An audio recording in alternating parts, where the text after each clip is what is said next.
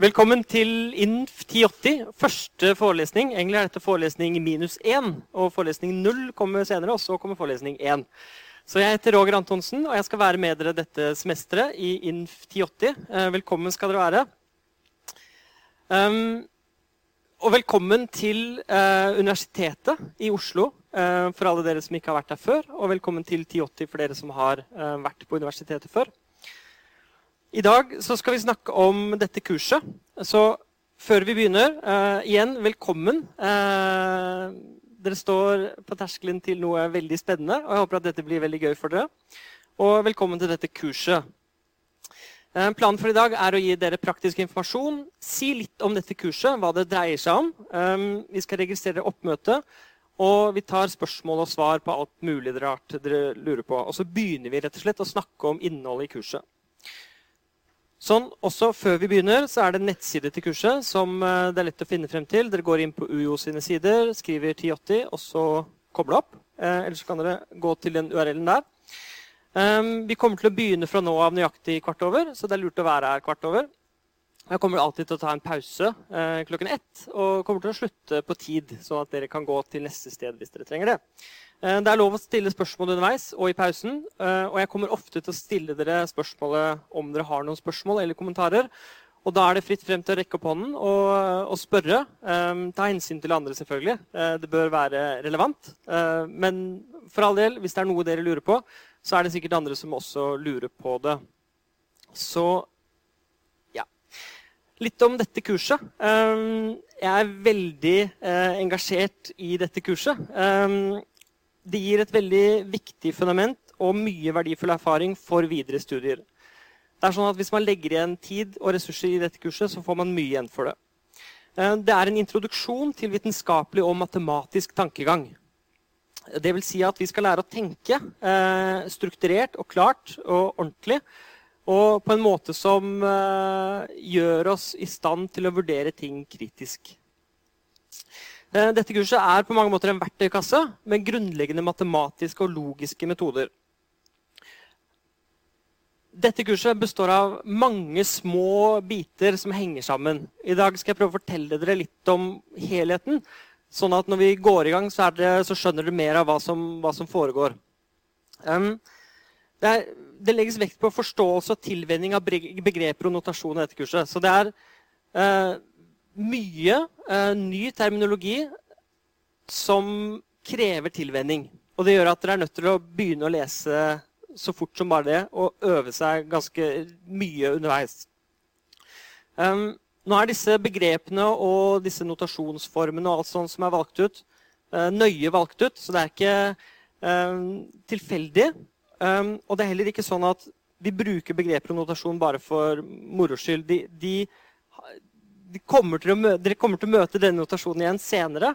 Det er, det er, og dette er jo noe dere må ta um, for god fisk nå. Uh, og stole på at dette er noe som dere kommer til å møte igjen senere.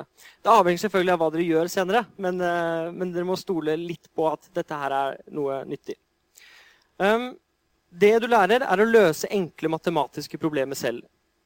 Vi skal kanskje for mange av dere redefinere litt hva matematikk er. Um, og det skal jeg si litt om i dag. Og det du lærer, er å tenke klart og logisk, men det krever øvelse. Det krever mye øvelse. Eh, du blir aldri god i noe hvis ikke du øver, eh, og sånn er det med dette kurset også. Så det er viktig å begynne å øve nå, med en gang. Eh, så fort som mulig. Så litt om, litt om oss. Jeg er altså foreleseren. Jeg heter Roger. Jeg liker å sjonglere. Og så er jeg blitt glad i Rubiks kube. Veldig mye matematikk inni Rubiks kube. De siste årene har jeg brukt ganske mye tid på å prøve å formidle realfag, prøve å formidle matematikk til eh, så mange som mulig. og Prøve å fortelle om alle de spennende historiene som fins. Og mye av fundamentet for de fortellingene er til stede i dette kurset. Um, jeg skal prøve uh, å ikke ha for mange digresjoner i kurset, for jeg vil at tiden dere bruker her, skal være vel anvendt. Og at tiden dere bruker her, skal være uh, bra for dere. Um, men det er litt lurt noen ganger å ta seg en pustepause. Um, jeg har doktorgrad i logikk, så det er uh, det jeg kan best, og det jeg liker best. Det betyr ikke at jeg bare kan det, uh, men jeg syns det er veldig gøy. Um, og det er veldig mye man kan gjøre med programmering uh, i tillegg. Nå er dette kurset ganske fritt for programmering, men det er utrolig mye, nesten alt i dette kurset, som har med programmering å gjøre. Jeg skal prøve å fortelle om det underveis. Fordi um, det er ikke alltid at det er like åpenbart at dette har med programmering å gjøre. Um,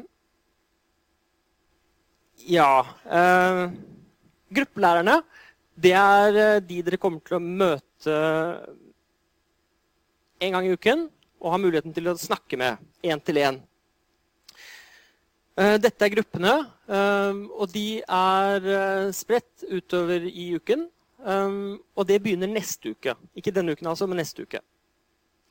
Og da er det sånn at tema for uh, gruppetimene og gruppeundervisningen er det som har blitt snakket om uken før. Det skal vi også si litt om nå straks. Ja. Uh, så selve undervisningen. Uh, det er fire timer forelesninger i uken. Um, det er to dobbelttimer tirsdager og torsdager fra 12 til 2. Og det er det. Gruppeundervisningen det er to timer i uken. Og det er én dobbelttime.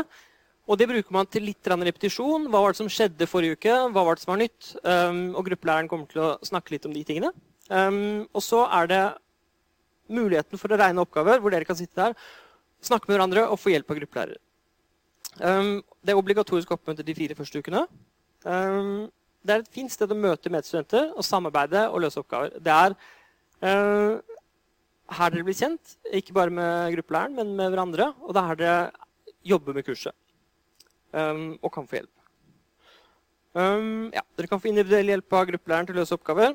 Og dere må se på nettsiden til kurset for tidspunktene og gruppene. og alt sånt. Um, ja. Men det er bare seks timer. Uh, og dette kurset det er jo ti studiepoeng, og det tilsvarer en tredjedel. Og da tenker jeg meg at man bruker omtrent 13 timer i uka på et kurs. Så hvis dere skal bruke 13 timer i uka på dette kurset, så er det igjen syv timer eh, til selvstudium. Og det må man bruke til å lese og tenke og løse oppgaver på egen hånd. Teste seg selv, snakke med andre. Og det er ekstremt viktig å forsøke å løse oppgavene selv. Eh, uten noe hjelp. Fordi hvis du ikke gjør det, så veit du ikke om du er i stand til å klare det selv. Hvis du alltid får hjelp, eller alltid ser på fasiten, eller alltid må sjekke bitte lite grann, da veit du ikke om du faktisk klarer det selv. Og dette må dere gjøre. Og dette er et flott og sånn mangesidig tilbud, så bruk det. Benytt dere av gruppelærerne, kom på forelesningene, og bruk timene godt imellom. Um, ja, litt om obligatoriske oppgaver og eksamen og pensum og sånn. Uh, det er ukentlige obligatoriske oppgaver i dette kurset. Um, og det blir tolv obligatoriske oppgaver i alt. Um, og de er fordelt over tolv uker. Og de kan gi tolv poeng hver. Um, og elektronisk innlevering foregår i et system som heter Devilry. Alt det jeg sier nå som er praktisk relevant, kommer til å ligge på kurssidene. Um, så dere finner lenker og sånn der.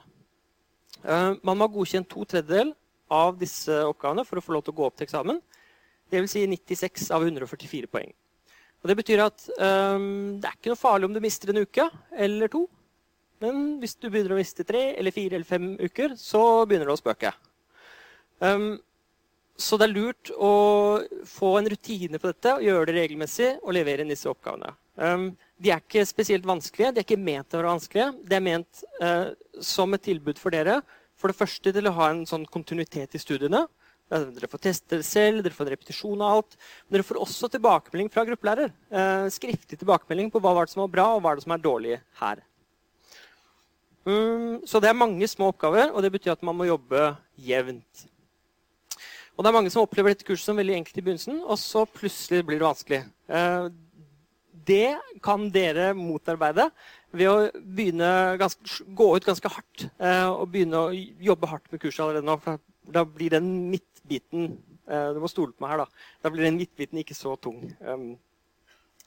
Ja, detaljert informasjon om dette opplegget kommer på nettsidene. Det er en skriftlig eksamen på fire timer til slutt uten hjelpemidler. 9.12. Eh, er satt opp klokken 9. Og det der med uten hjelpemidler det er egentlig veldig bra eh, for dere. Fordi det betyr at eh, spørsmålene er enklere. For da spør man om de helt grunnleggende tingene istedenfor å spørre om de vanskelige tingene. Hvis dere har lov til å ha med deg alt av hjelpemidler, så må man begynne å spørre. Da kan man ikke spørre om hva er definisjonen av det, og det og det. det. Um, så det er egentlig til deres fordel. Da kan jeg spørre, er det noen spørsmål eller kommentarer? Ja? Uh, spørsmålet var når er det den første obligatoriske oppgaven? Og det blir um, um, slutten av neste uke. Det kommer en sånn fin oversikt uh, veldig snart over uh, alle tidene i hele semesteret. Ja.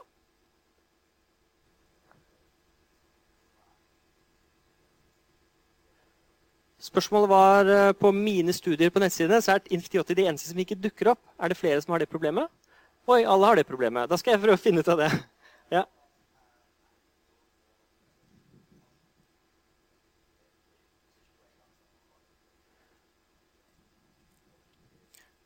Spørsmålet var kan vi ikke få en oversikt over alle de obligatoriske oppgavene, sånn at vi kan begynne nå å jobbe med alt det som er utover. og Det skal vi forsøke å gjøre. Det var et veldig bra forslag. Um,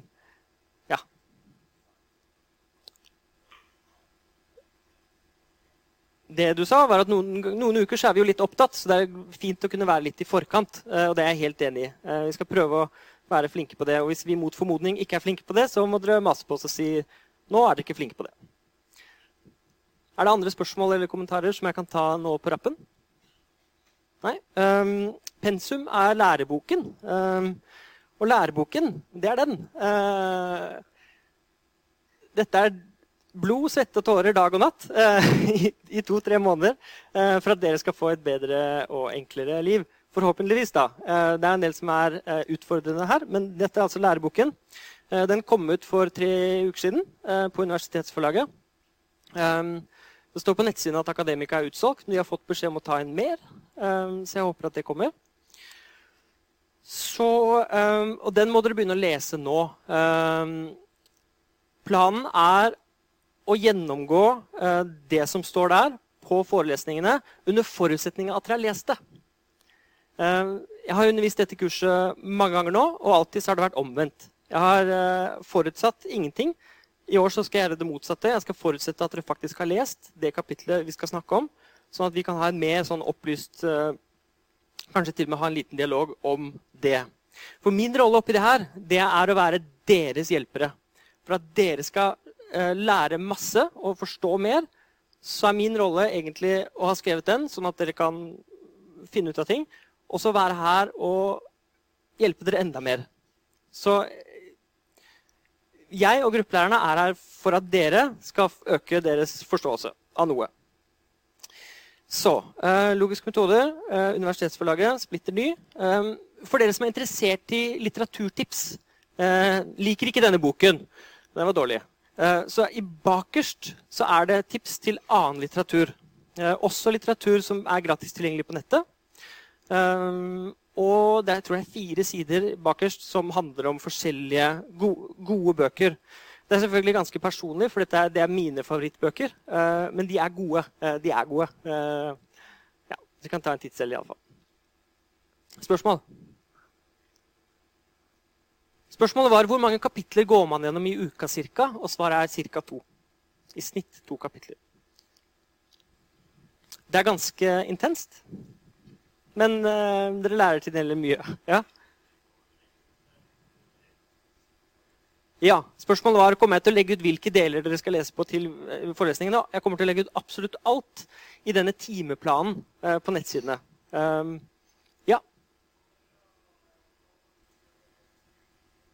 Spørsmålet var om eh, det, har, det jeg viser frem her, kommer til å være tilgjengelig på nettet, og svaret er nei. Eh, ikke PDF-filene, eh, ikke notatene. Men det jeg gjør nå, er å ta en screencast av alt det som skjer. En sånn screencast er noe alle førstesemestersforeleserne har blitt oppmuntret til å gjøre. Og jeg gjør også det, gladelig. Det betyr at stemmen min og det dere ser på skjermen, kommer til å ligge ute i forskjellige formater. Noe for nettbrett, noe for skjerm osv. Og Det kommer jeg også til å legge lenker til eh, på denne timeplanen med oversikt over forelesningene. Okay. Når det er sagt, eh, så er det alltid bedre å være her.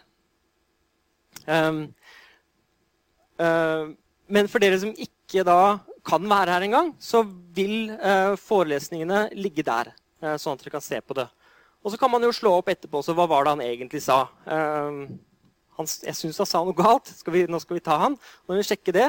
Og så kan dere si til meg at der sa du noe galt. Uh, og så vil jeg sannsynligvis si oi, uh, det var ikke bra. Og så vil vi finne ut av det sammen.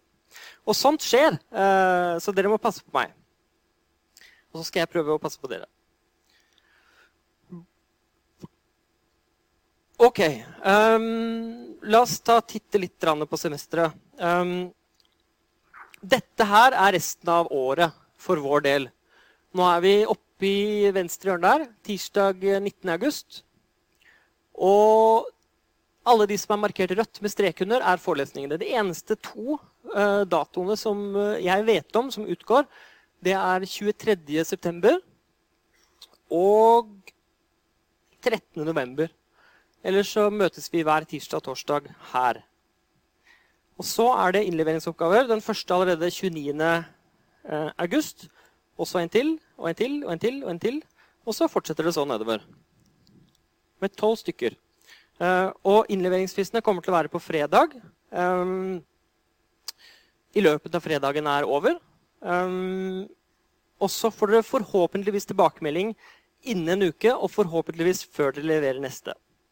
Men her må vi også tenke på gruppelærerne, som skal rette 30 uh, innleveringsoppgaver hver eneste uke. hele tiden, Så det kan hende at det er ikke alltid vi klarer det. Men vi skal gjøre alt vi kan for at dere får tilbakemelding innen en uke. Og så tror jeg at det er eksamen den 9. Nå er ikke det nødvendigvis 100% sikkert. Så det som er helt sikkert, det er det som står på nettsidene. Så hvis, hvis det blir en endring, så kommer det der. Uh, men det er iallfall det. Og så er det sånn at Hvis man vil trekke seg fra kurset, så bør man gjøre det noen uker i forveien. Jeg tror det er tre. Det vil også stå på nettsiden når trekkfristen er. Akkurat nå så står det at det er 1.11., men jeg tror det er uh, altfor lenge uh, foran. Men det vil altså stå der. Jeg har et spørsmål. Uh, spørsmålet er om det blir midtveiseksamen, og det gjør det ikke. Så det er én avsluttende eksamen eh, som teller av alt for den karakteren dere får. Som blir A, B, C, D, E eller F. Er det andre spørsmål? Ja. Eh, midnatt 23.59. Så hvis du prøver å levere mellom 23.59 og midnatt, så kan det hende at det ikke går. Men prøver du å gjøre det når det har blitt lørdag, så går det ikke. Ja. Spørsmålet er om boka blir tilgjengelig som e-bok, og det gjør den ikke eh, i nærmeste fremtid. Um, hvis forlaget har lyst, så er jeg positiv. Um, men foreløpig så er det ikke det. Og det er, dette er jo en avgjørelse som forlaget um, sitter litt på, så det, er, det styrer jeg ikke med. Uh, er det andre spørsmål? Den tredje jeg tror det blir en boklanseringsfest eh, den 3. september. Og da er det bløtkake til alle som vil ha. Eh, og kaffe eh, klokken tre, tror jeg, den eh, 3. september. Eh, og da kommer det masse eh, gode venner av meg, og da blir det kake. Da, som sagt. Da er dere alle hjertelig velkomne. selvfølgelig. Ok. Um, tilbakemeldinger underveis. Um, gjør det. Kom med tilbakemeldinger. Uh, vi vil at dette kurset skal være optimalt og så bra som mulig for dere. Så er det knirk, uh, er det noe som ikke funker, så si ifra til oss. Kom til meg, huk tak i meg direkte og si Roger, nå, uh, nå, funker det ikke helt. Dette her var dårlig. Så gjør vi noe med det. vår rolle er at dere skal altså, Dere skal ikke liksom ha det så bra. Det er ikke det som er poenget. For det, er ganske, det, er ganske, det kan være det er ikke nødvendigvis, men det kan være ganske vondt å lære seg noe nytt. Um, og den smerten skal vi være her og hjelpe dere gjennom. Sånn var det jeg skulle si det. Um, og vi skal gjøre det på den beste mulige måten. Men det er som, skal du klatre opp en klatrevegg uh, eller en, en, fjellvegg, så er du nødt til å gjøre det sjøl. Hvis noen heiser deg opp, så er det på en måte ja, Du lærer ikke å klatre på den måten. Uh, du kommer deg opp, og du får titte litt, men måte, du sitter ikke igjen med så mye, kanskje. Finner dere feil, skrivefeil, faktafeil, tenkefeil, hva som helst, så si ifra. Um, jeg kommer til å oppdatere kontinuerlig en retteliste. Jeg veit om noen få sånne skrivefeil i boken. Uh, de kommer til å ligge på en URL som jeg legger ut på nettet og legger ut her. Det er godt mulig at jeg kommer til å lage en liten konkurranse av det også. Altså. Den som finner flest feil uh, Jeg må egentlig gjøre det. Den som finner flest feil, uh, kommer til å få en pris. Ja. Sånn, da er det sagt. Um, så ja. Ett poeng for hver feil dere finner, men den første som finner feilen, får jo poenget. da. Man får liksom ikke Ikke, samme feilen kan ikke gi opphav til poengtall osv. Uh, ja. Og må selvfølgelig begrunnes, da. Uh, kan ikke bare si det er feil. Men det er jo noe vi skal snakke om i dette kurset. Hva som er en god begrunnelse uh, osv. Nettopp. Um, gruppelærerne her er her for å hjelpe Er det noen gruppelærere her, forresten? Er det noen 10-80 gruppelærere? Ja, der! Hallo! ja. Veldig bra at dere kommer. Uh, ok, Spør dem. Uh, huk tak i dem. Uh, si 'dette skjønner jeg ikke'. De er her for å hjelpe dere. Uh, og det er viktig å bruke dem. Og de er alle sammen, altså Det er en helt fantastisk gruppelæring. jeg hadde første, jeg møter da gruppelærerne hver uke. Jeg kan fortelle litt om prosessen også. og Da snakker vi om hva, hva, hva, som har skjedd siden sist. hva som er vanskelig. hvordan gikk det? Hvor mange kom? hva snakket vi om? Hvordan går det nå? Eh, så hver mandag så kommer jeg til å møte gruppelærerne og snakke med dem. Og jeg har allerede hatt første gruppelærermøte, og det var kjempehyggelig. Og alle sammen er veldig flinke. Så dere er i veldig gode hender. Nettopp. Kommunikasjon underveis. Det er noen e-postadresser som dere må vite om. Den ene er INF1080 ansvarlige. Alt dette på, ligger på nettsiden, eller kommer til å ligge på nettsidene veldig snart. Men, uh, men her står det um, INF1080 ansvarlige. Um, dere kan sende meg en personlig e-post, men sannsynligheten for at dere får raskt svar, er mye større hvis dere sender til den her. For der er det flere som leser den, um, og det havner i et sånt der eh, svarsystem. Så er det en annen e-postadresse som er på en måte mer kursnøytral, men som handler mer om boken eh, som universitetsforlaget har satt opp. Eh, den kan dere også bruke. Jeg får uansett e-posten og leser den og svarer på den. Jeg kommer til å sette opp et sånt diskusjonsforum for dere som er interessert i å bruke det, hvor man kan stille spørsmål og snakke med hverandre. Og Det er egentlig bare et tilbud. Dere må ikke bruke det, men det er der hvis dere på en måte har lyst til å si hei til de andre studentene og spørre om, spør om noe. Og det er egentlig lurt å prøve å finne noen som man kan studere sammen med. Det, det man, noe av det man lærer mest, er å snakke om det man lærer. Så hvis dere finner noen å snakke med dette om, så er det kjempefint. Og det kan dere gjøre her. Rettelisten ligger på den URL-en der. Der ligger det allerede noe. Um, har en veldig uh, flink eh, student i Danmark uh, som tar sin doktorgrad der, som også hjelper meg med å finne feil. Han har tidligere vært gruppelærer i dette kurset. Og han er vel den som har funnet flest feil til nå. Uh, I hvert fall en av tre som har funnet flest feil. Uansett, vi er også på Facebook og Twitter for dere som liker den type ting. det er en Inf1080-gruppe på Facebook, og det er en Twitter-konto med 20 følgere eller noe sånt. Det kan hende vi puster liv i det en eller annen gang, men de er, de er der. nettopp. Bra. Er det noen spørsmål om det praktiske? Jeg er egentlig ferdig med det praktiske nå. Hvis du begynner å prate om kurset, begynner å prate om faget, hva det handler om, hvorfor det er viktig og sånn. Det er en e-postadresse til som er studieinfo eh, at ifiu.no. Um, og det er alle sånne praktiske ting. Um, studie Da skriver jeg på tavla. Um, studieinfo at ifiu.no. Alt som har å gjøre med obligatorisk oppmøte, forskjellige typer unntak. Sånne ting som gruppelærerne og jeg ikke kan styre med, det må dere sende dit. Et spørsmål? Et spørsmål er om du må ha med boken i forelesningene. Um, nei, men det er jo anbefalt, fordi jeg kommer til å referere til ting i den. Så det er nok lurt å ha den og kunne, kunne bla litt i den. Uh, så min anbefaling er egentlig det å ta med seg den. Alltid de den med seg. sånn tilfelle man lurer på noe. Um, um, ja, plutselig så refererer vi til et eller annet, og da er det greit å, og, da, og, jeg ikke har det her. Da er det greit å kunne, kunne ta, ta, den opp. Er det andre spørsmål? Praktiske ting? Nei? Men bare rekk en hånd i været hvis dere lurer på noe. Jeg har ett spørsmål der. Ja. Nettopp. Uh, hvis dere trenger å bytte grupper av en eller annen grunn, um, så må dere kontakte gruppelæreren på den gruppen dere vil til. Fordi det er vedkommende som da sier ja eller nei. For kanskje det er for mange der, og da sier vedkommende nei. Fra, du trenger ikke å spørre gruppelæreren du går fra, uh, men det du går til, er lurt. Ja. Er det andre spørsmål om det praktiske? Nei, men Dere kommer til å få flere spørsmål etter hvert. og Når dere får dem, så er det bare å spørre. Uh, litt mer om kurset, litt mer om innholdet. Uh, dette er et såkalt sånn overgangskurs. Eh, målet er å gjøre overgangen fra universitetet, nei, til universitetet fra videregående skole så enkel som mulig. Eh, ikke nødvendigvis enkel, men på en måte, det er en annen måte å tenke på. Og det dere lærer her, er en veldig spesiell måte å tenke på, som er mye mer hva skal jeg si, selvstendig og ordentlig enn det man gjør på videregående skole. Så kurset lærer deg en måte å tenke på. Det er færre prosedyrer og regler. Det er mer tenkning. Du, du må stole mer på deg selv. Um, kurset gir en øvelse i problemløsning. Det skal vi snakke om neste gang. Altså, Hva gjør du når du får en oppgave som du ikke klarer å løse? Og dette er sånne livsnyttige ting. Altså, det er ikke spesifikt for dette kurset at man har et problem som man ønsker å løse.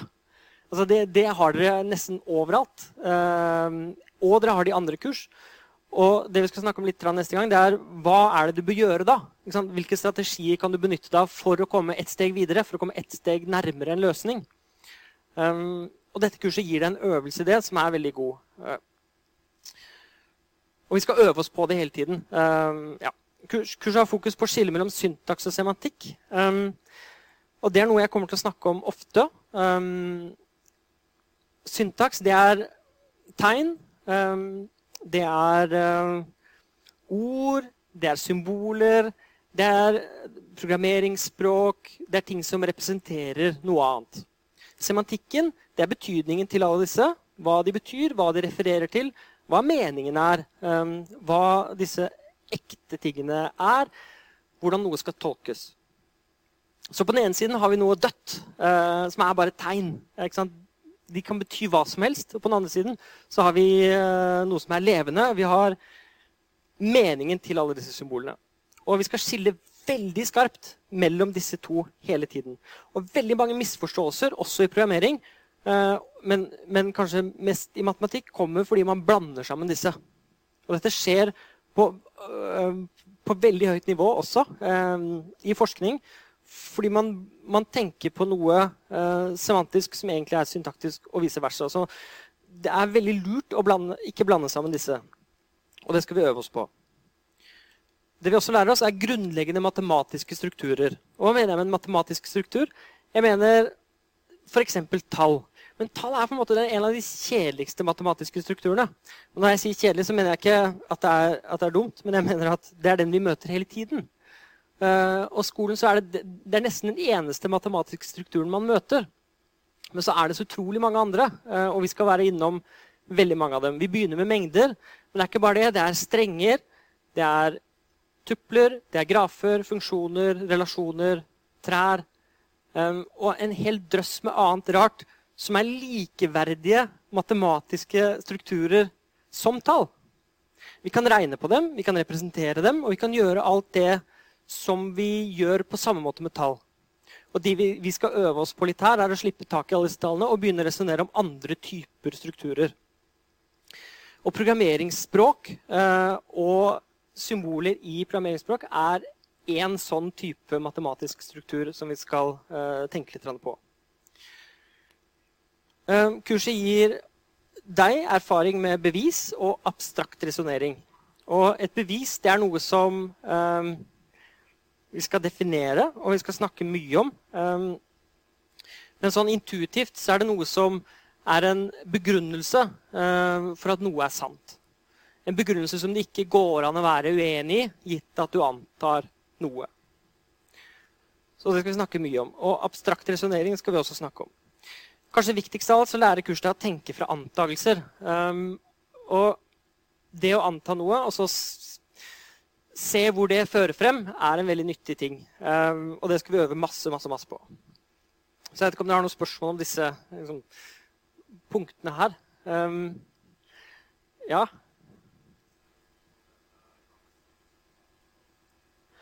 Um, spørsmålet var om jeg har et eksempel på det å blande sammen syntaks uh, og semantikk. Spørsmålet er om jeg har et godt eksempel på det. Um, la, meg gruble litt, la meg gruble litt på den.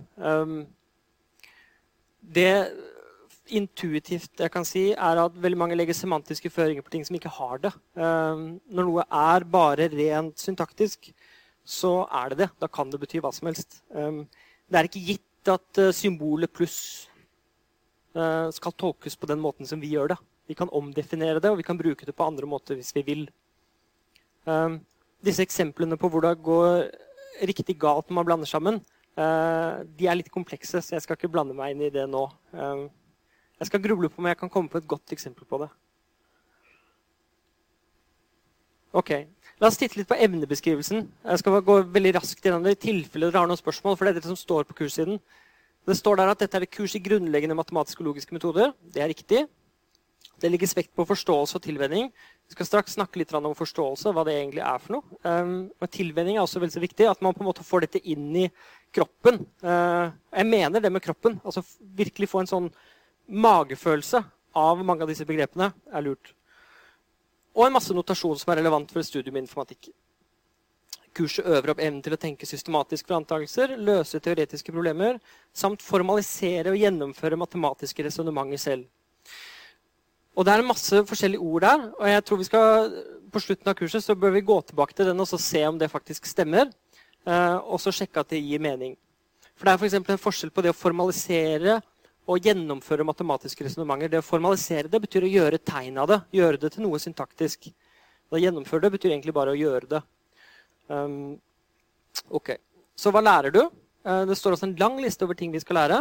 Etter å ha tatt INF80 så skal du kunne gjennomføre, forstå og formalisere matematiske resonnementer og bevis. Og dette er tre forskjellige ting. Å gjennomføre noe betyr egentlig bare å gjøre det. ikke sant? Forstå det, det er noe intellektuelt som vi gjør når vi, vi nesten en sånn følelse vi har at nå, nå, klikker det. Nå sitter det. Nå skjønner jeg det. Og det å formalisere det er noe annet igjen. Det er å faktisk gjøre alt eksplisitt og representere det med symboler, sånn at vi kan regne på det. Og det skal vi gjøre.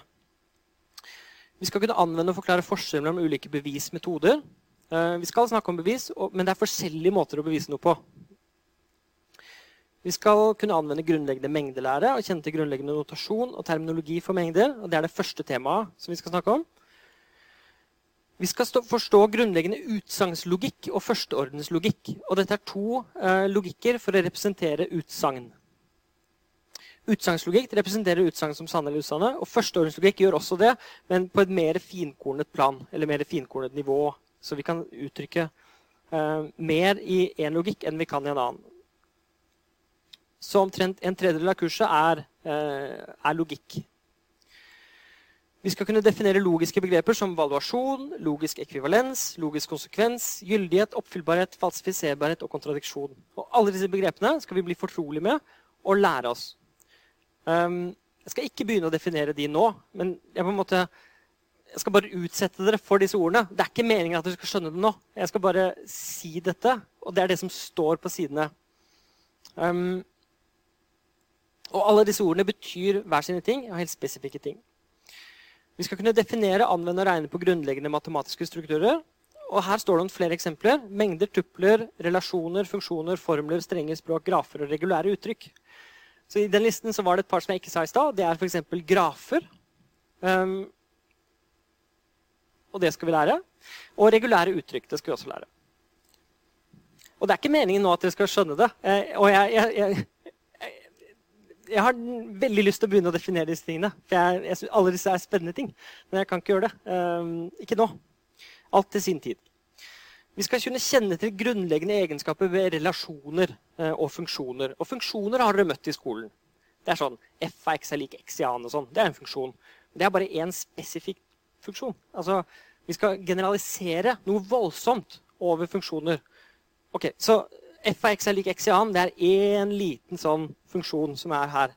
Og så har du alle disse andre funksjonene på reelle tall. Og så har vi alle disse andre funksjonene på andre tall. Og så har vi hele denne mengden av funksjoner, som er en enorm mengde. Og det vi faktisk skal gjøre, det er å se på hele denne enorme mengden ovenifra, og så begynne å se å ja, de funksjonene er sånn, og de funksjonene er sånn. Og det er en helt annen kategori igjen. Så vi skal begynne å dele opp og si at ja, disse har forskjellige egenskaper. Og så eh, skal vi si at hvis du tar en sånn funksjon og en sånn funksjon og setter de sammen, da får du en sånn funksjon alltid. Uansett. Så det vi skal gjøre her, er noe utrolig abstrakt, egentlig. Vi skal, og dette, dette er, jeg forteller jeg nå om, om, funksjoner, men vi skal gjøre det egentlig hele tiden. La oss ta regulære uttrykk. Først så definerer vi en mengde med regulære uttrykk. Det er liksom en bøtte med dem her. Og oppi den bøtta er alle de regulære uttrykkene som fins. Og så begynner vi å se at ja, det er noen som er litt sånne, og noen som er litt sånne, og noen som er litt sånne. Og så begynner vi å resonnere om det, og så begynner vi å si at ok, hvis du tar en sånn og en sånn, setter du sammen, så får du en sånn. Og denne prosessen skal vi gjøre om igjen og om igjen. og om igjen og om igjen. Vi skal definere noe, en eller annen matematisk struktur, Og så skal vi begynne å se på alt som er oppi der. Og så skal vi begynne å kategorisere det og sette de sammen og lage nye fra gamle osv. Og, på den måten så kommer vi til å avdekke en del mønstre eh, og se en del eh, likheter mellom forskjellige typer matematiske strukturer.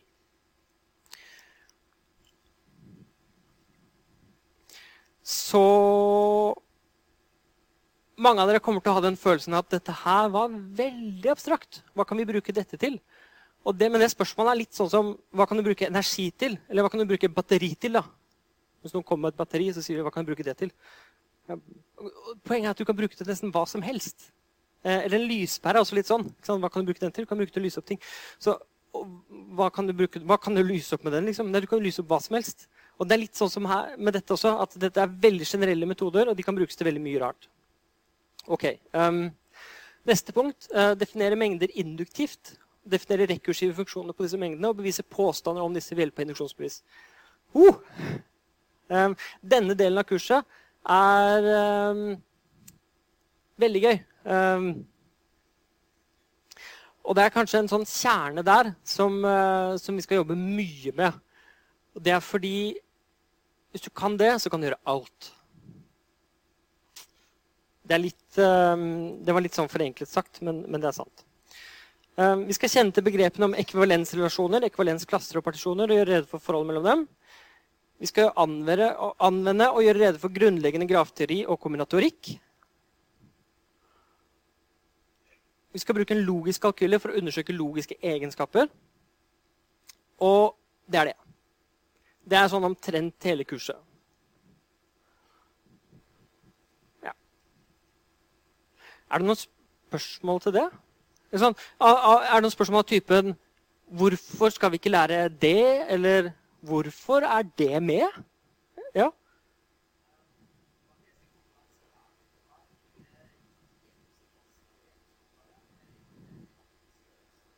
Spørsmålet var Nå er ikke jeg helt sikker på hvordan vi skal lære oss dette her. Eh, men blir det en masse teoretiske oppgaver, eller blir det noen praktiske oppgaver også?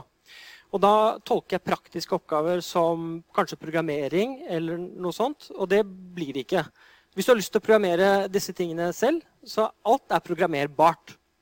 Og i eh, litteraturlisten så er det et par bøker som er introduksjonsbøker til det samme som vi gjør her, via et programmeringsspråk. Sånn at man lærer seg å programmere det programmeringsspråket samtidig som man lærer seg det faglige. Og det gjør at man kan programmere seg gjennom kurset på en måte. Så hvis dere har... Eh, men dette kurset forutsetter ikke det. Eh, og god og det er meningen. Nå er det sånn at det å løse teoretiske oppgaver, det, det er også noe praktisk. Hvis du setter deg ned med penn og papir og du virkelig prøver å løse det, og svetter, så er, det fysisk anstrengende og på en måte ikke bare teoretisk. på en måte, Men det, er, det var å dra det litt langt. da. Men det er, dette er ren teori. Eh, hvis jeg skal være, svare på den måten, så, så er det det. Eh, jeg skal prøve å krydre det med litt sånne uh, morsomme øvelser. Uh, det er en del spill for eksempel, som er relevante i forhold til det vi lærer her. Uh, men det skal vi ta når det kommer. Og det er en del fysiske, praktiske øvelser også som er relevante i forhold til dette. Uh, F.eks. Rubiks kube. Når vi skal lære litt om algebra, så er det veldig naturlig å snakke litt om Rubiks kube. et spørsmål bak der?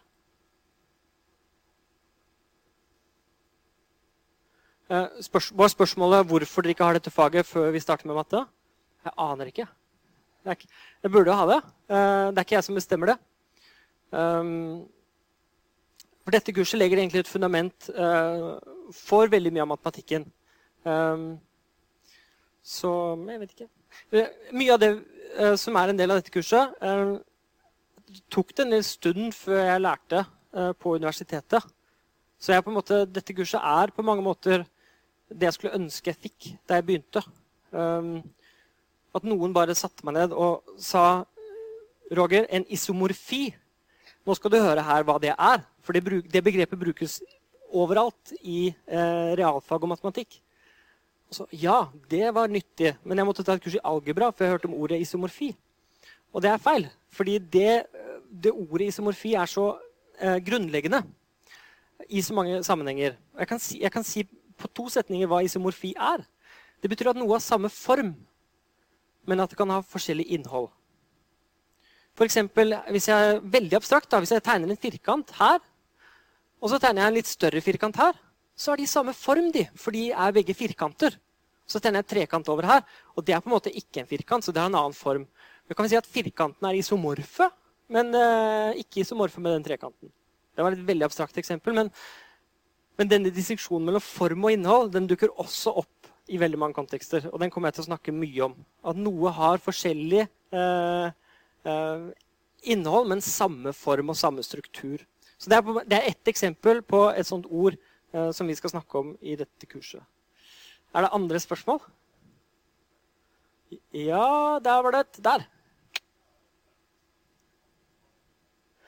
Nettopp. Det var et kjempefint spørsmål. Hva, det, hva, forventes dere at dere kan av matte? Nå skal jeg være um, modig og si ingenting. Null. Jeg, og jeg mener det. Hvis du kan snakke, hvis dere skjønner hva jeg sier nå, og hvis dere kan regne ut 3 pluss 5 så er det mer enn nok. Og jeg, jeg mener det, eh, fordi det vi skal gjøre her, er å bygge opp noe fra bunnen av. Og vi skal, det, vi skal gjøre det helt fra bunnen av. Jeg skal ikke bruke et symbol. Jeg skal aldri bruke et symbol uten å forklare hva det betyr.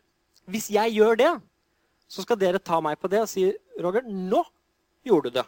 Nå brukte du det symbolet, og du har ikke definert det og ikke forklart det. Hvordan skal vi, hvordan skal vi skjønne det? Det, skal, det har dere lov til å si når som helst.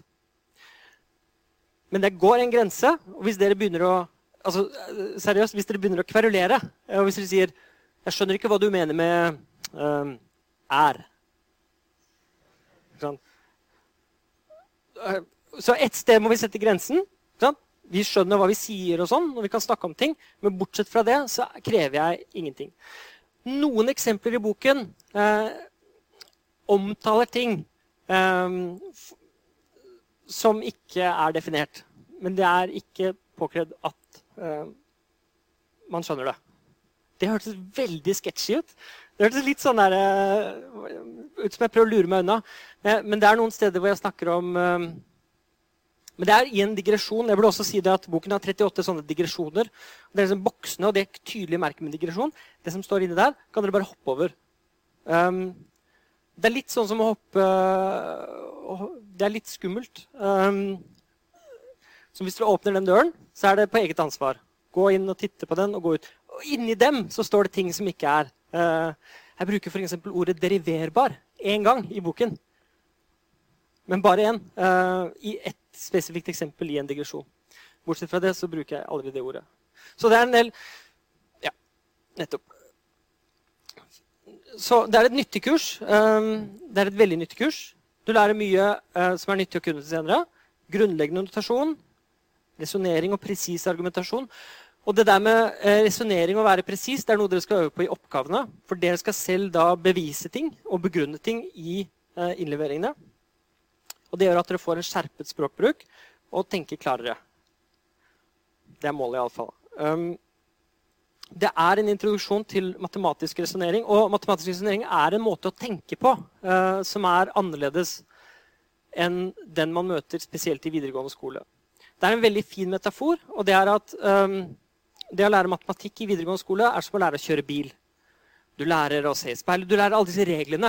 Du må gjøre sånn, du må sjekke blindsone, du må gjøre sånn, og så får du førerkort. På universitetet så lærer du om hvordan biler fungerer, hvorfor biler fungerer, hvordan du kan designe din egen bil. Og alt det som ligger til grunn for at du kan kjøre biler. Det er en metafor, eh, men det er en veldig presis metafor som ikke kommer fra meg, men som en som heter Keith Devlin. Eh, som har skrevet også en veldig god introduksjonsbok til å tenke matematisk. Han har også et online-kurs eh, på Stanford tror jeg, som man kan følge hvis man er interessert i det han gjør. Men dette skjer ikke av seg selv. Dere må jobbe. og Tenk på det som å lære å klatre. Du blir ikke god til å klatre hvis ikke du eh, tar på deg klatresele og faktisk gjør det. Og dette kurset handler i stor grad om å gjøre eh, ting selv og regne ting selv. Så um, det som skal skje nå, er at det blir et, uh, en registrering av oppmøtet. Det skjer her nede. Uh, etterpå så går jeg gjennom uh, hele boken og forteller e-, egentlig det som tilsvarer forordet. Um, og så snakker jeg om de ulike kapitlene og går, begynner å snakke om dette i detalj. Og så er det mer, flere spørsmål og svar. Og så fortsetter vi når dere er ferdig med registreringen, men, uh, men ikke før kvart over. Da fortsetter vi. Det er hyggelig å se at så mange ble igjen uh, etter pausen. Um, er det noen spørsmål som har samlet seg opp? Jeg kan begynne med ett. Um, hvis man har tatt eksamen i dette før, uh, så trenger man ikke å levere de obligatoriske oppgavene på nytt. Regelen er sånn at Hadde du lov til å gå opp til eksamen eh, tidligere år, så har du fremdeles det nå. Når det er sagt, så er det jo et kjempefint tilbud. Så hvis dere tar kurset på nytt, så gjør oppgavene på nytt. Og få nye tilbakemeldinger fra gruppelærerne. Da lærer dere masse um, i prosessen. Er det noen spørsmål? Nei? Fint. Da snakker vi om, uh, om kurset. Jeg har lyst til å si litt om matematikken i skolen og matematisk tenkning. Nå har jeg egentlig allerede sagt det, men jeg vil bare gjenta det. At uh, det vi lærer her, er en måte å tenke på hvor dere står helt på egne bein og må ta ansvaret selv for um, det dere skriver, og det dere gjør. Så den, det vi blir lært opp til i skolen, eh, er på mange måter å sette inn i formler. Og det er Jeg må, jeg må holde meg litt igjen. Eh, det er ganske ille. um, og det man skyver litt under teppet, det er den oppdagelsen eh, og den gleden man kan få når man jobber seg ned i et problem og løser det selv. Eh, den oppdagelsen er en sånn skjellsettende opplevelse eh, på mange måter. Når man jobber med noe lenge, og så løser man det problemet. Så ser man tvers igjennom det. Og så blir man et annet menneske på den andre siden. Altså, du klarer, når du har løst et problem skikkelig, så har du Så ser du ikke på det på samme måte lenger. Um, så Første gang dere får et problem, og så er, virker det kanskje veldig kaotisk, og så jobber dere med det, og etter hvert så oppstår det en forståelse. Dere ser et mønster. Og så ser dere hvordan det skal være, og hvordan det er. Og det, det er en veldig sånn rar prosess som jeg ikke kan forklare. Og det er eh, veldig få, om noen, som egentlig skjønner eh, hva som skjer eh, inni hodene våre når vi gjør det. Men det vi blir lært opp til i skolen, eh, er å regne. Og sette inn i formler. Og ikke denne oppdagelsesferden og det å finne ut av ting selv. Og, så jeg har egentlig lyst til å snu alt på hodet og fokusere på den biten av det. Nå er det litt vanskelig, fordi jeg har lyst til å gjøre det samtidig som at vi er ordentlige og skikkelige og gjør alt ordentlig grundig. Og det er en sånn spenning der som er ganske, som er ganske stor mellom på den ene siden eh, og på en måte være veldig kreativ eh, og drømme og se for seg ting. og Det er som å fly. ikke sant? Og på den andre siden eh, så skal du være veldig nøyaktig. Helt presis. Du skal skrive et lite dataprogram nesten, eh, som er sånn at hvis det er et punktum for mye, så krasjer det. Så eh, nøyaktig må man være. ikke sant? Hvert eneste lille tegn betyr noe. Og så skal du ha det liksom, samtidig som du har denne herre um, kreative uh, andre måten å være på. Og den spenningen der uh, er utrolig spennende. Så jo oftere dere klarer å skifte mellom disse, jo bedre er det. Så ikke glem alt fra skolen. Dere, dere har masse nyttig erfaring der. Dere er råflinke til å regne. Algebra. Gange med samme tall på begge sider. Og sånn. Og det er bra, men, men det, er, det, er, ikke det vi skal gjøre her. Um, så det er det. Mm. Um, jeg har lyst til å si mye mer om det, da. Um, men jeg tror kanskje jeg skal la det være. Og heller gjøre det senere. Um,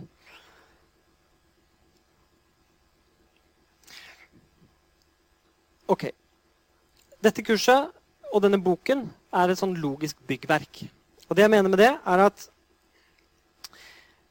neste forelesning så definerer vi noen greier. Hva en mengde er, og hva unionen av to mengder er. og sånn. Og da har jeg programmert dere, eh, sånn at dere for alltid vet hva det betyr. Og jeg kommer til å bruke de ordene vi definerer, helt fritt. Som om dere kan det fra da av. Og dette betyr um, at ting bygger på hverandre i veldig stor grad. Um, så når vi kommer til forelesning 8 og 9 og 10, og sånn, så kommer jeg til å anta at dere kan alt fra 1 og 2 og 3 og 4 5 6 og 7 og 8 og 7. Og, og er, altså jeg kan ikke hele tiden gå tilbake til kapittel 1 og fortelle og fortelle, og fortelle om igjen om igjen, om igjen det. Så dette bygges på hverandre. Så hvis dere ikke, hvis dere leser da fra nå av eh, grundig, så er det veldig fort gjort å på en måte føle seg lost når man kommer til 8 og 9 og 10 og sånn. Eh, men hvis dere er nøye med det og bygger dette fundamentet, så går det kjempefint. Jeg vil bare si Det at det, det, henger, det henger veldig nøye sammen. Så plutselig så sier jeg ting senere som på en måte ikke dere husker eller skjønner, og da må dere gå tilbake og sjekke definisjonene. Så på mange måter er dette også kurset en øvelse i å bruke definisjoner. Uh, og det er på en måte den ordentlige siden av det, den hvor vi gjør ting veldig nøye. Det er at vi, vi definerer ting, og så bruker vi de definisjonene, og så følger vi de. Så um, når det er sagt, så skal jeg si litt om forståelse. Nå skal jeg prøve å gjøre, ikke dette, gjøre til jeg skal prøve å ikke gjøre dette til en filosofiforelesning. Men jeg har lyst til å si bitte litt om forståelse. fordi um, det er på en måte det vi er ute etter. Uh, vi er ute etter å forstå noe. Men hva betyr egentlig det? Hva vil det si å forstå noe? Altså, dere syns kanskje jeg er teit som bringer opp det, men, men gitt at det er det vi vil, da, ønsker å forstå noe, om det er å forstå verden, eller datamaskiner, eller programmer, eller klima, eller språk, eller hva det skal være, medisin, psykologi, i alle disse så ønsker vi å oppnå en eller annen form for forståelse, en eller annen innsikt, en eller annen kunnskap om noe som er ikke overfladisk, men som er dyp. Så hvordan kommer vi fra å være ikke-forstående til å bli forstående? Um, og Det er skrevet mye om det. Uh, et av de beste sitatene jeg vet om, kommer fra John von Neumann. Det blir ikke mye sitater i dette kurset, men jeg skal ha ett og én person. Det er nesten Resten av kurset er fritt for navn og personer. Men jeg har lyst til å nevne han her. Eh, ikke bare fordi han var råsmart og fordi han var med å lage eh, de første datamaskinene, eh, men pga. dette. Han sa i matematikk forstår du ikke ting, du blir bare vant til dem. Og dette kommer da fra det største matematiske geniet som noensinne har levd, hevder mange. han sier at du forstår ikke, du blir bare vant til. Og Det er en dyp innsikt i det. Fordi etter at du har lest noe for tiende gang, plutselig så tror du at du skjønner det. Og hva var det som skjedde da, eh, bortsett fra det at du hadde lest det ti ganger? Så, så det er noe som skjer når vi repeterer og når vi gjentar. Eh, du ser dette på barn og dyr også. Hvis du gjør sånn mange ganger, så plutselig så syns de at det er kjempegøy. Eh, og det har med den repetisjonen å gjøre. og Det har med at verden, det virker som om verden henger sammen. fordi dette skjer alltid. liksom. Det skjer hele tiden. Og samme måte når vi leser også. Det, når vi leser, så skjer det noe inni hodet vårt. Vi blir tatt i sånne, eh, på en liten sånn reise gjennom tanker. Og hver gang det står dette, dette, så skjer noe inni hodet vårt. Og så Når det skjer for tidlig gang, så føler vi at ja, vi får den forventningen om at noe kommer, og så kommer det. Og det er litt som musikk også. Vi hører en låt for liksom hundrede gang, så vet vi hvordan den låta går, og hva som skjer i midten. Og så skaper det en forventning i oss, og så føler vi oss skikkelig bra når den forventningen blir innfridd. Og Sånn er det i matte og, og, i vitenskap også. Man bygger opp disse forventningene, og så blir de innfridd. Så man skal ikke underdrive det. Når, når det er sagt, så I skolen så er man veldig optimistisk fordi man tror at det bare er det. Å repetere, å repetere og gjenta, gjenta, gjenta. gjenta. Så, så forstår han det nok. Um, men det er ikke så enkelt. Så man må bruke eh, hodet også. Ok, så Da har jeg sagt det. Forståelse via repetisjon og god tid. Så dere har nå muligheten eh, til å gi dette kurset god tid, så gjør det. Um, og gjør det jevnt. Og så er det dette om man skal forstå noe nedenfra eller ovenifra. Um, noen foretrekker å bli programmert. Uh, og det jeg mener med det er at Du får en definisjon, og så får du neste, og så får du neste. og så får du neste. Um, den type mennesker leser manualen til dataprogrammet først. Uh, leser hele manualen, og så vet de nøyaktig hva de skal gjøre. Den andre måten å gjøre det på, det er den sånn ovenifra ned-måte. Det er mer sånn det er, å fly, og så ser man litt Oi, der var det fint. Så skal vi gå ned dit. Og som er veldig sånn overblikk. Og noen liker å lære seg ting på den måten. Og det er som å bare sette i gang med dataprogrammet, og så på en måte Oi, det funket ikke. Jeg prøver noe annet. Det funket ikke det heller. Og så, og så i stedet for å lese manualen um, Så det er forskjellige måter å nærme seg noe på og oppnå forståelse på. Og ok, Hvorfor står jeg og snakker om dette? Um, det, det jeg prøver egentlig å hjelpe dere litt. Fordi jeg antar at målet deres er å forstå noe bedre. hva nå det skal være, Og så forteller jeg noen smarte ting som jeg tror er lurt å gjøre. Og jeg tror begge disse er smarte. Eh, både eh, det å se det ovenifra og det å jobbe med detaljene. Og matte er sånn også. Og mm, sånn, Skal du lære deg et språk, da, fransk f.eks., så lærer du deg det ved å lese litt grammatikk og på en måte gjøre noen sånne øvelser veldig grundig. Men du lærer deg også ved å bare hoppe i det prøve å prate fransk. Og det er den andre måten. Og det å gjøre det på begge måter, ofte begge deler, det er en måte å komme nærmere forståelse på, tror jeg. Og så er det det å eksperimentere og leke seg og tulle og tøyse. Og um, det er også en måte å oppnå forståelse på. Um, I dette kurset spesifikt så kan vi leke med begreper. Vi kan omdefinere ting, vi kan anta forskjellige ting, og så kan vi se hvordan, hvordan, det uh, blir. Hvis dere på død og liv uh, vil anta at det fins bare endelig mange mengder i universet, jeg vet ikke hvorfor dere vil gjøre det, men så er det helt greit. Eller at tallet 9 ikke fins er også helt greit. Altså, alt er lov i dette kurset. Uh, alt er lov, men dere er nødt til å ta konsekvensen av det. Um, så hvis dere plutselig antar en av disse rare tingene, så må dere uh, følge den uh, og ta ansvar for det dere har antatt. Så la meg bruke en metafor. La oss si at du står på et kjøkken og du har masse krydder og mat og greier. Du har lov til å blande hva som helst med hva som helst. Du kan godt blande alt i en stor saus og så bare enda mer, og så koke det på 1000 grader. Du, du, du, kan godt gjøre det, men det er ikke sikkert at det blir godt. Og Sånn er det med matte også. Kan, og programmering. Åpner en teksteditor, du kan skrive hva som helst. Du kan skrive dikt, men det er ikke sikkert at det kjører.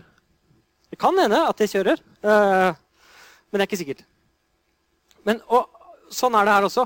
Og man er nødt til å eksperimentere. Hvis man ikke eksperimenterer med noe, så finner man aldri ut uh, av uh, hva som kan skje. Ofte så skjer det artige ting, og så får det en til å tenke, og så kan man jobbe videre på den måten. Um, så jeg oppmuntrer dere til å eksperimentere med faget. Til å leke dere og tenke hva er det vi kan bruke dette til.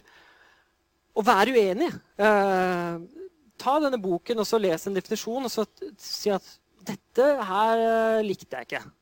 Så nå vil jeg anta noe helt annet. Greit, jeg gjør det. Fint. Ikke noe problem. Så autoriteten her, det er ikke boken eller meg, det er dere selv. Dere definerer, men dere må ta konsekvensen av det. Og Vi skal snakke om definisjoner. Og Boken er full av definisjoner. Og vitenskap også er full av definisjoner. Uten definisjoner så kan vi ikke klare å snakke sammen. Hvis jeg snakker om klima eller om kroppen eller psyko et eller annet, så må jeg definere det. Hvis ikke så kan ikke du vite hva jeg snakker om. Og definisjonen eh, setter normen for den samtalen vi har. Eh, definisjonen kunne vært annerledes. Det er det som er interessant. Kan, man kan velge fritt i rommet av definisjoner. Dere kan godt definere noe eh, på en helt teit måte, men man må følge definisjonen etter at man har definert det. Um, så dere kan godt være uenig i definisjonen i boken. Altså, det var en dårlig definisjon. Den skulle vært annerledes. Um, du skulle brukt et annet symbol for det enn det du gjør. Det er helt greit. Det, det, kan man godt mene. Men når definisjonen er der, og når man har bestemt seg for den, så må man følge den. Og det er den som bestemmer. Um, ja. Så matte er som matlaging. Um, og dette kurset er veldig mye som matlaging. Vi skal blande alle disse tingene sammen, og noen ganger så smaker det helt fantastisk godt. Uh, og det er da man på en måte skjønner at wow, dette er det jeg skal gjøre. Ja. Um, mm. Ok. En annen måte å forstå ting på er via motsetninger. Og det kan jeg ikke få sagt nok. Det er så viktig. Um, så dette bildet oppsummerer alt jeg mener om det. Um, ok, så Hvis du har et eller annet fenomen, og så skal du forklare det til noen, og så forteller du alt som har med det fenomenet å gjøre. Og hvis du forteller alt som har med det å gjøre, så jobber du deg innenfra og ut. Du sier at han, eh, det er en han, han er blond, sånn, prater fransk. ikke sant? Og da eller, eller, at du tar et eller annet tema så sier du om det temaet eller om denne, denne, dette objektet at det har disse, disse egenskapene. Um, det du gjør da, er på en måte definere ting innenfra. Hvis du ikke forteller hva den tingen eller, eller, eller, objektet eller fenomenet ikke er, så vet du aldri hvor du skal stoppe.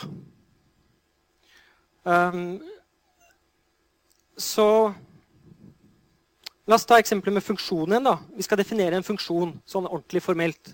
Og da sier vi at dette er en funksjon. Og så kan jeg ramse opp masse egenskaper ved den funksjonen. Ehm, men faktum er at hvis jeg ikke gir dere et eksempel på noe som ikke er en funksjon, hvordan skal dere da vite hvor stor den blobben av funksjoner er? Eh, skjønner du hva jeg mener? Så den, dette er mengden av alle funksjoner. Men hvor går grensen? Det er det jeg prøver å fortelle der. Hvis du ikke sier hva som ikke er funksjoner, eh, så vet du ikke hvor den går.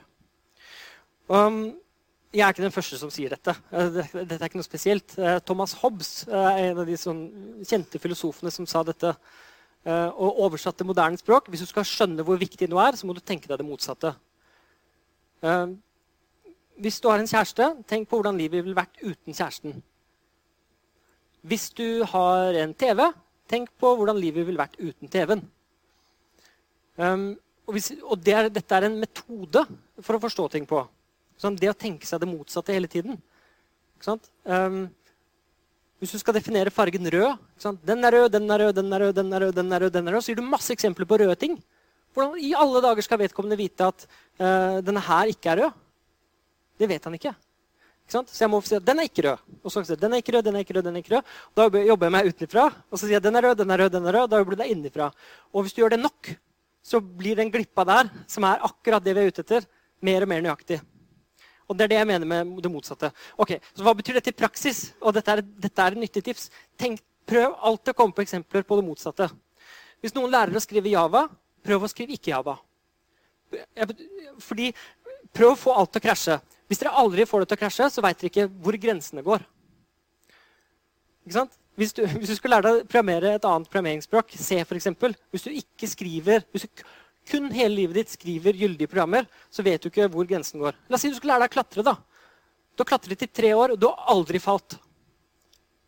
Tenk deg det, ja. Da vet du, du aner ikke hvor grensen går for når du kommer til å falle og når du ikke faller.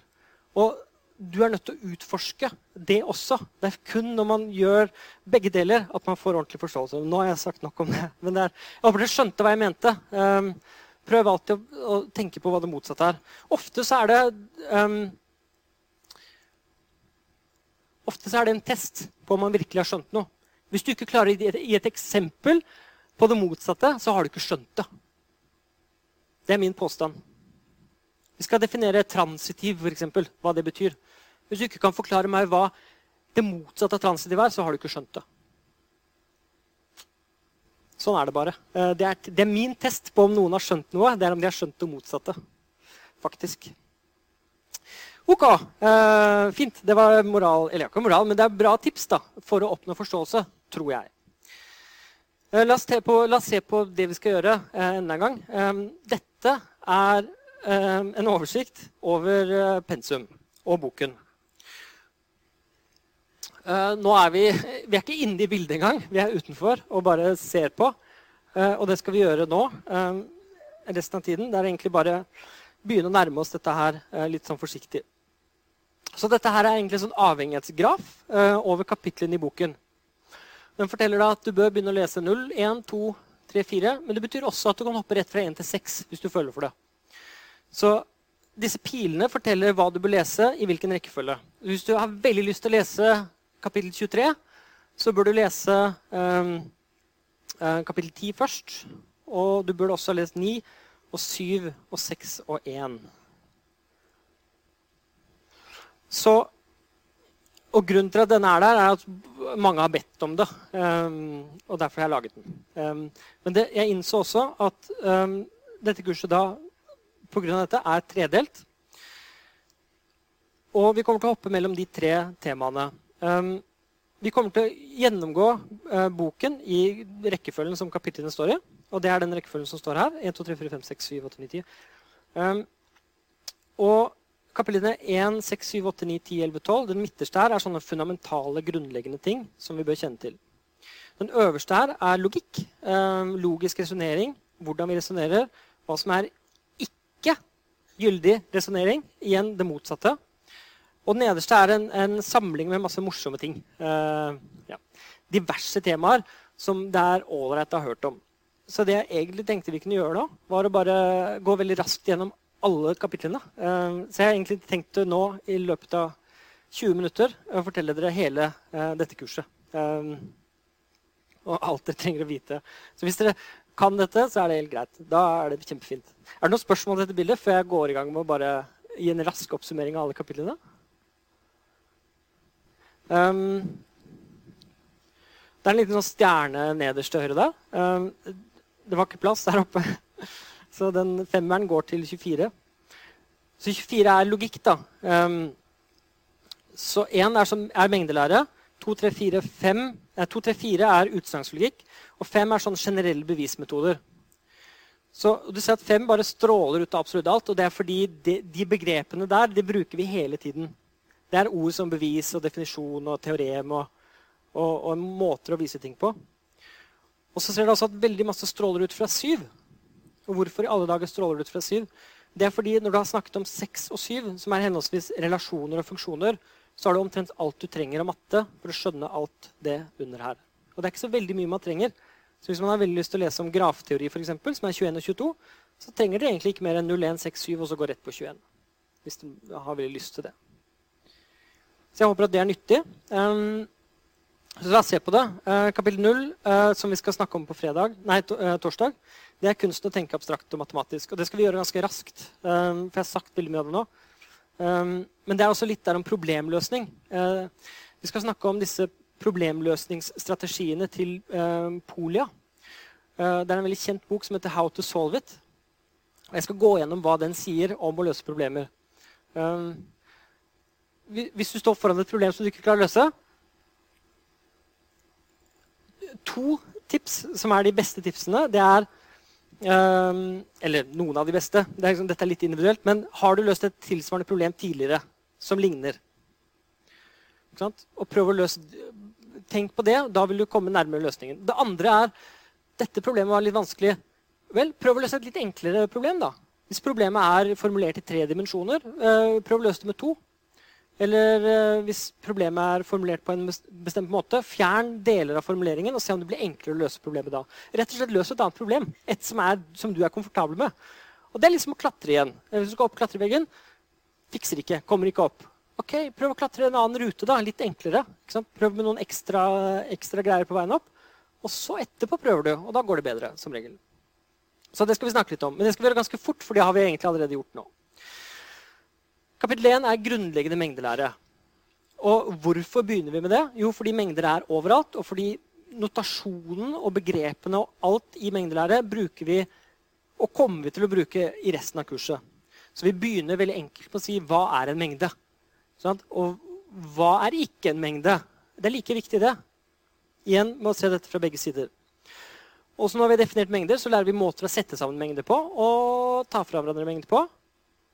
Og så kategoriserer vi mengder litt. Og det er det. Det er det vi skal lære i kapittel 1.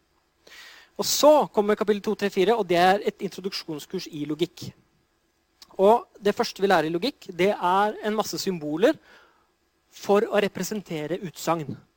Utsagn er sånne ting vi snakker om og forteller hverandre, som kan være sanne. Hvis jeg sier månen er grønn, så er det en sant eller usant. Hvis jeg sier 2 pluss 2 er 4, så er det sant eller usant. Og Jeg kan si usanne ting, og jeg kan si sanne ting. Og de utsagnene skal vi representere med tegn. Og P kan f.eks. representere um, han eller hun er pen. Eller noe sånt. Spiller ingen rolle. Uh, eller at X er et partall. Eller at 5 er et partall. Sånn P kan representere noe som har en sannhetsverdi. Og så det symbolet der, eller sånn haken, det symboliserer ikke. Så hele den greia som står der, eh, er en formalisering av det motsatte. I dette tilfellet han eller hun er ikke pen, eller X eh, er ikke et partall, eller eh, fem er ikke et partall. Avhengig av hva vi brukte P til å representere. Og Her ser vi at symbolene representerer noe, og så gjør vi noe med symbolene som representerer noe annet. Og det skal vi jobbe med. Så kapittel 2 er en introduksjon til alle disse tegnene. Og tegn er bare tegn. Det er som et programmeringsspråk uten mening. I kapittel tre skal vi snakke om semantikken. Det er hva disse tingene betyr.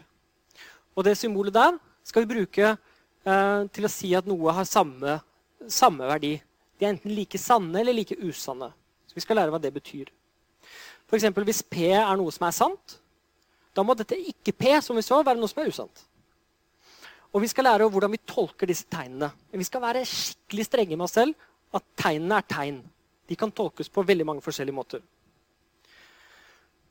Og så, i kapittel 4, så skal vi begynne å resonnere om det. Da skal vi begynne å se hva er det som eh, er sant, og hva er det som er usant, og hva er det som følger fra hva, og, og hvordan kan vi bruke disse tegnene som vi har lært, til å representere noe som vi er opptatt av, nemlig resonnementer. Og vi skal se hvordan vi kan sette sammen utsagn til større utsagn. Eh, og hvordan vi kan formalisere den sammensetningen. Og hvordan de tolkes. Og her er det mer snakk om bruk og hvordan vi bruker det. Og da skal vi lære helt presist hva det vil si at uh, noe følger logisk fra noe annet. Sånn hvis jeg sier uh, 'jeg er glad', 'jeg kommer på festen', 'jeg er millionær', 'jeg liker å sjonglere', da følger det en masse greier fra de tingene jeg sa. Da følger det en del greier. Hvorfor gjør det det? Det er det vi skal snakke om her. Og vi skal definere presist hva det vil si at noe følger fra noe annet. Hvis du antar at x er et tall som er større enn 100, så må x også være større enn 10. For eksempel. da er det en logisk konsekvens av det første. Ok, så det, De tre forelesningene er et introduksjonskurs til utsagnslogikk. Og så kommer kapittel 5. Jeg har bare skrevet 'anta'. fordi det, det, det handler om hva som følger når du antar noe.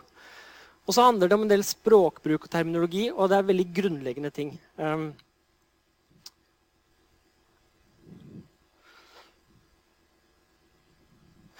jeg skal snakke om noen problemer som ingen har klart å løse. Ingen noensinne har klart å løse dem. Um, jeg kan nevne ett for dere nå. Um, skal jeg det? Ja. Um, og jeg har så lyst, Det er et så morsomt kapittel. Dere må komme på den forelesningen. Det er, uh, jeg, jeg, vet ikke om dere ser det, men det er inni hodet. Nei, det gjør det jo ikke, for det er inni hodet mitt. Men det, det, det, det surrer, alle disse eksemplene surrer rundt der inne. Um, så de to, to eksemplene vi skal snakke om uh, Jeg lurer på om jeg skal skrive her, for da ser man det på denne screencastingen. Det er um, ethvert partall Om jeg snakker om tall, da. Ethvert partall er summen av to primtall. Vet dere hva primtall er? Tre og fem og syv og sånn. Som ikke på en måte kan deles opp i mindre biter. Så de er atomene våre. Bitt i all minste. Så la oss ta et uh, Se om det oh, det virker. Tolv. Det er et partall, ikke sant? Da sa jeg at det skal være summen av to primtall. Er det noen som vet hva det er? Syv og fem. Veldig bra. Fem pluss syv. Um, prøve med 14, da. Det er Hva? og da oppdaget vi plutselig at det er flere muligheter. 3 pluss 11. Eller 7 pluss 7. Og, men det er ingen som har klart å bevise at dette alltid stemmer.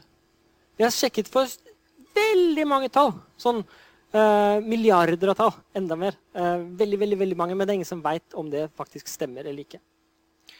Og det er et eksempel på noe som er så enkelt å formulere. Altså Det er sagt på en setning, liksom. Ethvert partall er summen av to grunnlag, men det er ingen som har klart å løse det. Og dette viser egentlig, Det er prinsippet her som er viktig. da. Det er veldig enkelt å formulere noe som det er nesten umulig å vite. Eh, og det er flere morsomme eh, eksempler der. Jeg kan ikke ta de nå.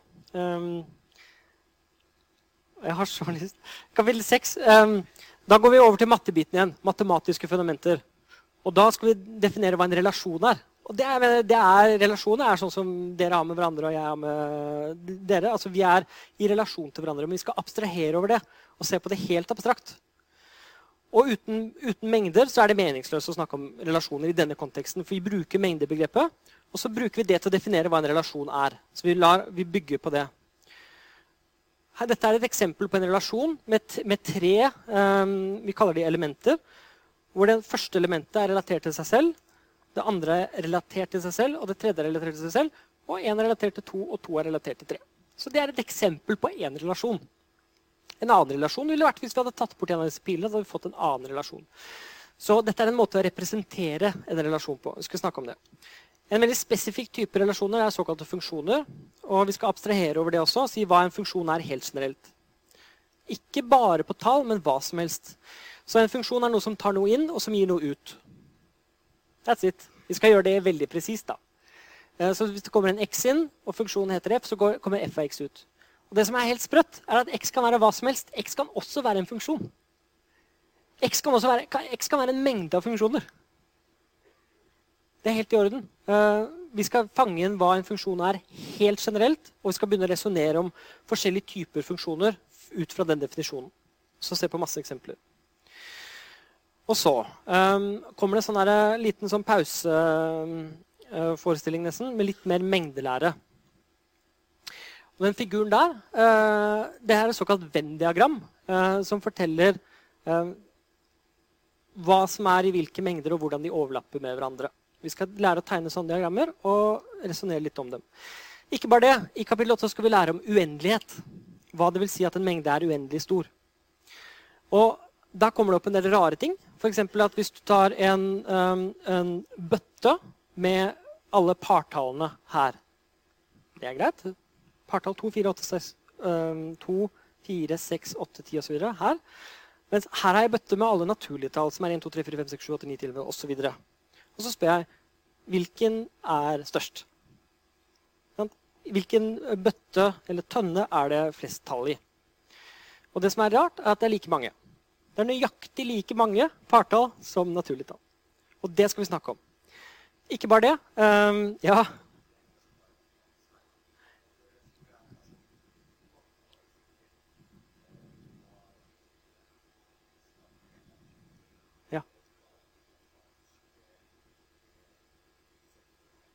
Ja. OK. eh, veldig fint spørsmål. Ja. Um, kommentaren uh, din, eller spørsmålet, var Eh, men det kan jo være matematisk feil. Eh, fordi vi har jo alle hørt tilsvarende eksempler med at én er lik to. Hvis du bare regner litt, så finner du ut det. da. Konkluderer du med det. Og svaret er at nei da, det er faktisk sånn at de er like store. På en veldig presis matematisk måte. Og jeg skal også forklare hvorfor det gir mening at de er like store. Og grunnen til at det er mening, er at du kan, du kan sette de i par forbindelse med hverandre. Du kan si at um, du kan ta en, en, en snor uh, fra et element til et annet, sånn at alle er i korrespondanse med hverandre. og Derfor er det nøyaktig like mange. Og Sånne ting skjer når man snakker om uendeligheter, og vi skal snakke om hvorfor det gir mening. Uh, når du nevner det med at én er lik to, så gjør man ofte i de uh, eksemplene noe som ikke er lov. Man deler med null, f.eks. Eller du glemmer at et tall kan være null, og så deler du med det, og så skjer det noe gærent. og det er feil hvis ikke du redefinerer det å dele på null. Og hvis du redefinerer det å dele på null, som du er, det, står helt fritt til å gjøre det, da må du ta konsekvensen av det, og det kan bli litt fiklete uh, og litt komplisert. Ja, enda et spørsmål?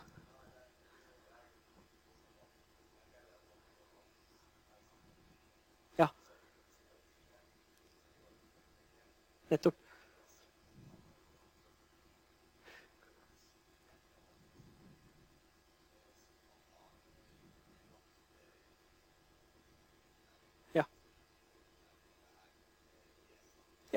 Ok. Eh, eh, jeg skal gjenta spørsmålet for de som eh, hører på dette her, eller som sitter bakerst. Um, det er en veldig fin kommentar. Um, um, det du sa, er at vi må jo forholde oss til virkeligheten. Vi må jo sjekke at noe faktisk stemmer. Vi kan ikke bare si at 2 pluss 2 er 5, fordi det er ikke 5. Uh, og det er jeg helt enig i. Så når jeg sier 'anta hva som helst', så snakker jeg veldig teoretisk. Uh, og jeg snakker om hva som skjer i samspillet mellom antakelsene våre og det som følger fra antakelsene. Um, vi kommer ingen vei uten å sjekke fakta og empiri. Uh, ikke sant? Uh, og det, og, men i dette kurset skal vi snakke mye om resonneringen og det som skjer rundt, i stedet for å snakke om det. Så Det er den delen av vitenskapelig metode som ikke dekkes av dette kurset. Det er uh, at du har en vitenskapelig teori. Du, men vi gjør alt arbeidet Eh, alt det teoretiske grunnlaget som trengs for å gjøre nettopp det. Um, Jeg har lyst til å si mer om det, men jeg har lyst til å bare suse gjennom alle kapitlene. Um, det artige er at dette kapitlet engasjerer mange uh, og ofte. Uh, og det er gøy, fordi det handler om noe som er så abstrakt, som er det uendelige. Um, og det er mye, som, mye, spennende som skjer der. da. Vi skal også snakke om noe som er enda mer uendelig enn noe annet. Og vi skal bevise det, at det fins noe som er mer uendelig enn noe annet. og det blir gøy. Det er alltid gøy. Um, kapittel 9. Uh, og nå, henger, nå, er det fire kapitler som henger utrolig nøye sammen. og Det er kapittel 9, 10, 11 og 12. De må leses i uh, enhet, egentlig. Um, kapittel 9 handler om å definere et mengde selv. Du finner på en eller annen artig uh, mengde, og så definerer du det selv. Her står det ABA, og vi skal jobbe mye med mengder av strenger. Dette er én streng, ABA. AB er en annen, og bare A er en tredje. Bare B er en fjerde. Og AAAA med uendelig mange a-er er en veldig rar streng, men vi skal snakke om hvordan vi definerer mengder av forskjellige ting. Ikke nødvendigvis trenger Det kan være trær eller det kan være noe annet. og hvordan vi gjør det. Og de kalles for induktivt definerte. Og så henger kapittel 10 sammen med det. fordi I kapittel 10 skal vi definere funksjoner på disse mengdene vi har definert. Så Først skal vi definere en haug med mengder, eller en fin mengde. Og så skal vi gjøre, lage operasjoner på den mengden med noe som kalles rekursjon. Vi skal jobbe med det som er her, som er et bitte lite binært tre. Her ser dere én node der eh, nederst, og så har den to over, og så er disse to over. igjen. Det skal vi jobbe med. Um, I kapittel 11 så skal vi gå tilbake til bevismetoder og bevise ting om disse mengdene og om disse funksjonene på mengdene. Og det skal vi gjøre med noe som kalles matematisk induksjon. Og dette skal symbolisere dominobrikker som dytter hverandre over ende. Det skal vi snakke mer om da kapittel 12 så skal vi generalisere og abstrahere over det. Og så skal vi, her, Du kan ha definert en mengde med trær, f.eks. Så ønsker du å bevise noe om den. Da kan du ikke nødvendigvis bruke matematisk induksjon. Da skal vi bruke en kraftigere metode som kalles strukturell induksjon. Som er til for å bevise at et eller annet er sant for alle de elementene i den mengden. Og når, når dere har lært dette, så er dere i stand til å gjøre ekstremt mye greier. Og det kommer en liten sånn Det er mye sånn klatreterminologi her, da, men er sånn, der er det et sånn crux. Det er litt vanskelig å komme over akkurat den. Litt tøft, men det er veldig gøy. Og, ja. uh, da er vi halvveis i kurset, og vi skal gå tilbake til, første, gå tilbake til logikk. Og snakke om um, førsteordenslogikk. Og utsagn som er 2 pluss 2 er 4 og sånn, de er ikke kvantifiserte. Nå skal vi snakke om kvantifiserte utsagn, sånn som alle eh, partall er delelig med to, eller alle studenter står på eksamen, eller Du skjønner hva jeg mener med kvantifisert utsagn. De bruker ordet 'alle', og det fins og det ikke fins osv. Og, og vi skal analysere dem og representere dem. Og det symbolet der, den opp ned a-en, betyr rett og slett 'for alle'. Så der står det 'for alle x'. Og så kommer det noe etter. Så skal vi gjøre det samme som i utsagnslogikk. Vi skal snakke om språket først. Kun syntaks og kun tegn. Og så går vi over til hvordan tolker vi de tegnene. Og den vi så, for alle x, skal vi tolke som det vi sier i språket vårt, som er alle. Og Vi kan formulere kjente matematiske prinsipper ved å bruke dette språket. Og vi skal fortelle her hvordan de eh, kan brukes til å representere forskjellige matematiske ting. Og egentlig så tulla jeg litt. I dette kapittelet så skal vi øve oss på å representere ting. Mens i neste kapittel, eh, som er kapittel 15, så begynner vi å fortelle hvordan disse tolkes på en veldig presis måte. Så det er en sånn langsom oppbygning hvor det blir mer og mer tolkning. Og i kapittel 16 så skal vi bruke dette til å modellere faktiske ting. Ok, Og da er vi ferdig med logikken. Nesten. Og da er det da eh, kapittel 17 ut, så er det en del artige, morsomme temaer og ting. 17 så skal vi snakke om ekvivalensklasser og partisjoner. Og dette symbolet der eh, det symboliserer en japansk røkelseslek. Og dette syns jeg er utrolig gøy. Eh, den går ut på at du lukter fem lukter. Sånne røkelseslukter. Åh, det var én, og så lukter du to, og tre, og fire og fem. Og så er oppgaven eh, det er å identifisere hvilken av luktene var like. Og dette symbolet representerer at den første og den andre det var den samme lukten. Den tredje og den femte var også den samme lukten. Og den fjerde var en helt annen lukt. Det var tre forskjellige lukter. Og Så kommer det matematiske spørsmålet hvor mange måter kan vi gjøre det på. Og dette her har med abstraksjon å gjøre. fordi Når vi identifiserer to lukter, én og to, så sier vi at de er den samme lukten. Men det var to forskjellige røkelsespinner.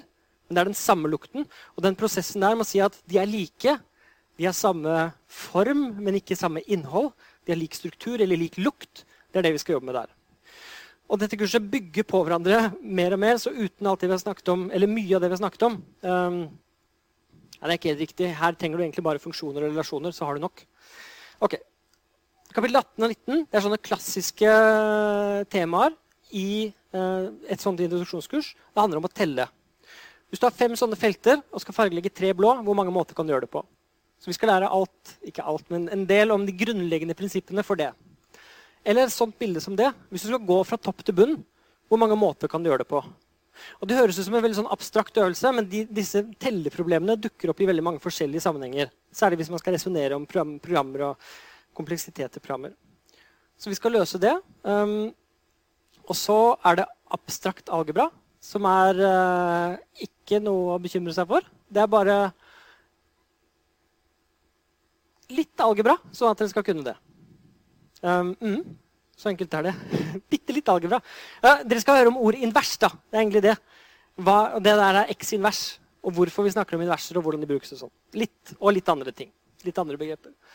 Og så er det to kapitler om grafteori. Um, 21 og 22. Uh, dette her er f.eks. en komplett graf med fem noder. Hvor alle, alle rundingene er forbundet med alle rundingene. Det skal Vi snakke om. Vi skal telle dem, og vi skal lære masse sånn språk uh, og terminologi om det. Doder og kanter og, og sånn. Og Kapittel 22 handler om hvordan vi kan gå rundt i sånne grafer. Hvis du står et sted der, og så går du rundt, kan du komme tilbake til der du begynte osv. Hvis du legger bestemte føringer på, på det. Kapittel 23 handler om formelle språk og grammatikker. Et formelt språk er egentlig bare en mengde med strenger. som vi skal se. Og så skal vi snakke om eh, grammatikker og regulære uttrykk og regulære språk. Og bitte litt om automater. Og dette er også en sånn terminologi som dukker opp i veldig mye informatikk og matematikk. som det er ålreit å kjenne til. Så avslutter vi da med naturlig deduksjon, som er, et, eh, som er en logisk kalkyle for å representere bevis. Så det var egentlig det. Eh, takk for nå. Vi ses, vi ses om to dager.